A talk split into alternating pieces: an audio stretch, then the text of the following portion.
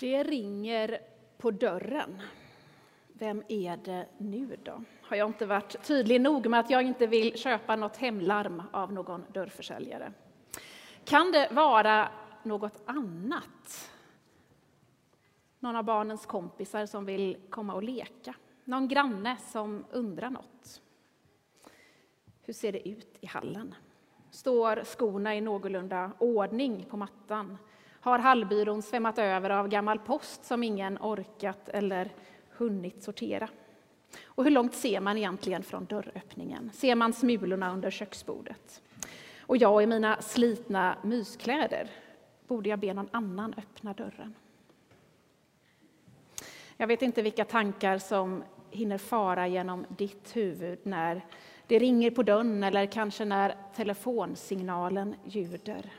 När någon på ett eller annat sätt söker dig. Ibland kan rädslan vara det första som slår mig. Vem ringer nu? Vad har hänt? Ibland är det det obekväma med att hantera ett kanske oönskat samtal eller besök. När någon försöker sälja på mig något jag inte vill ha eller vad det nu kan vara. Men ganska ofta så finns också den andra sortens känsla där. Nyfikenhet, förväntan. När det är spännande att öppna dörren eller svara i telefonen, se vem det kan vara. Även om det kanske är grannen som kommer och påpekar att jag återigen missat att stänga garageporten och kanske skulle göra det. Så sprider sig en varm känsla inombords. Tänk att den här personen tog sig tid att komma och säga till mig. Tänk att det finns människor som visar omsorg. Så finns ju också de där tiderna i livet. Kanske har du det så. Jag har haft det när jag har bott på ställen där det aldrig ringer på dörren. Och har det väl hänt så har jag välkomnat personen in oavsett om det är någon försäljare som vill sälja något oönskat eller vad det än kan vara. För det är så spännande att någon faktiskt kommer och knackar på. Se, jag står vid dörren och bultar. Hör någon rösten? Öppnar någon dörren? Är det någon som välkomnar in och säger ät med mig? Ordet advent kommer från latinets adventus domini, som betyder Herrens ankomst. Det är första söndagen i advent och vi får fira Herrens ankomst. Ett nytt kyrkoår, ett nådens år. Här och nu börjar det. Här och nu sker ankomsten. Jesus möter oss. Jesus bultar på våra dörrar, ringer på våra telefoner, knackar oss på axeln.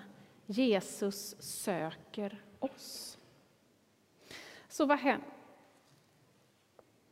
Så vad händer när vi är eftersökta? Vad händer med oss? Är det rädslan som slår oss? Varför just nu? Om jag har klarat mig bra så här långt i livet utan Jesus, varför skulle jag behöva honom nu? Är det något som kommer att hända?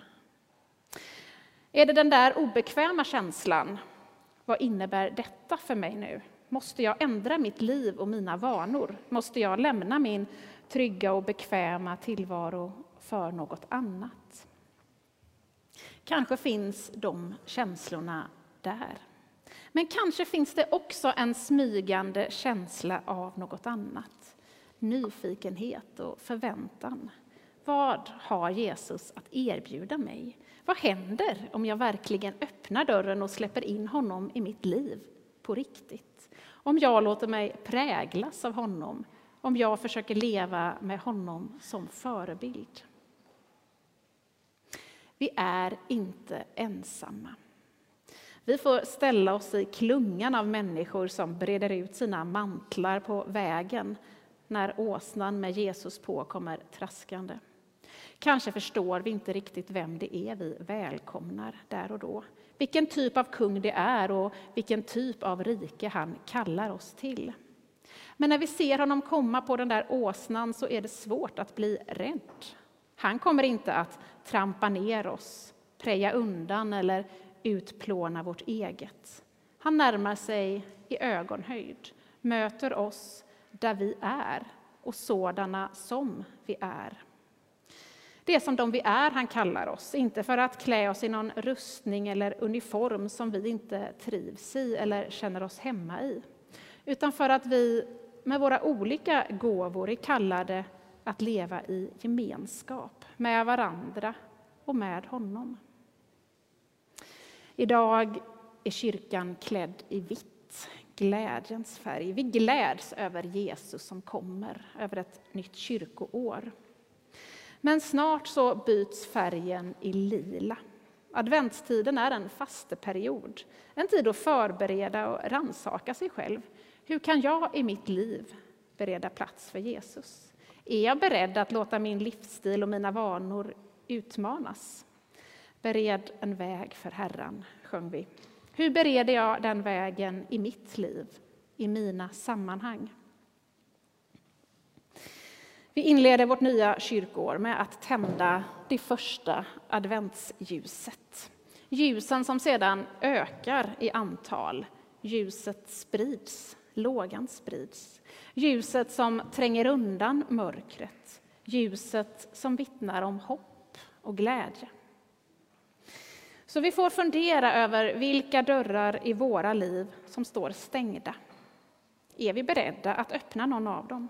Kanske lite på glänt. Pröva på att lite mer försöka efterlikna honom som rider på en åsna och vittnar om ett rike av ett annat slag. Så får vi stämma in i folkmassans Hosianna-rop.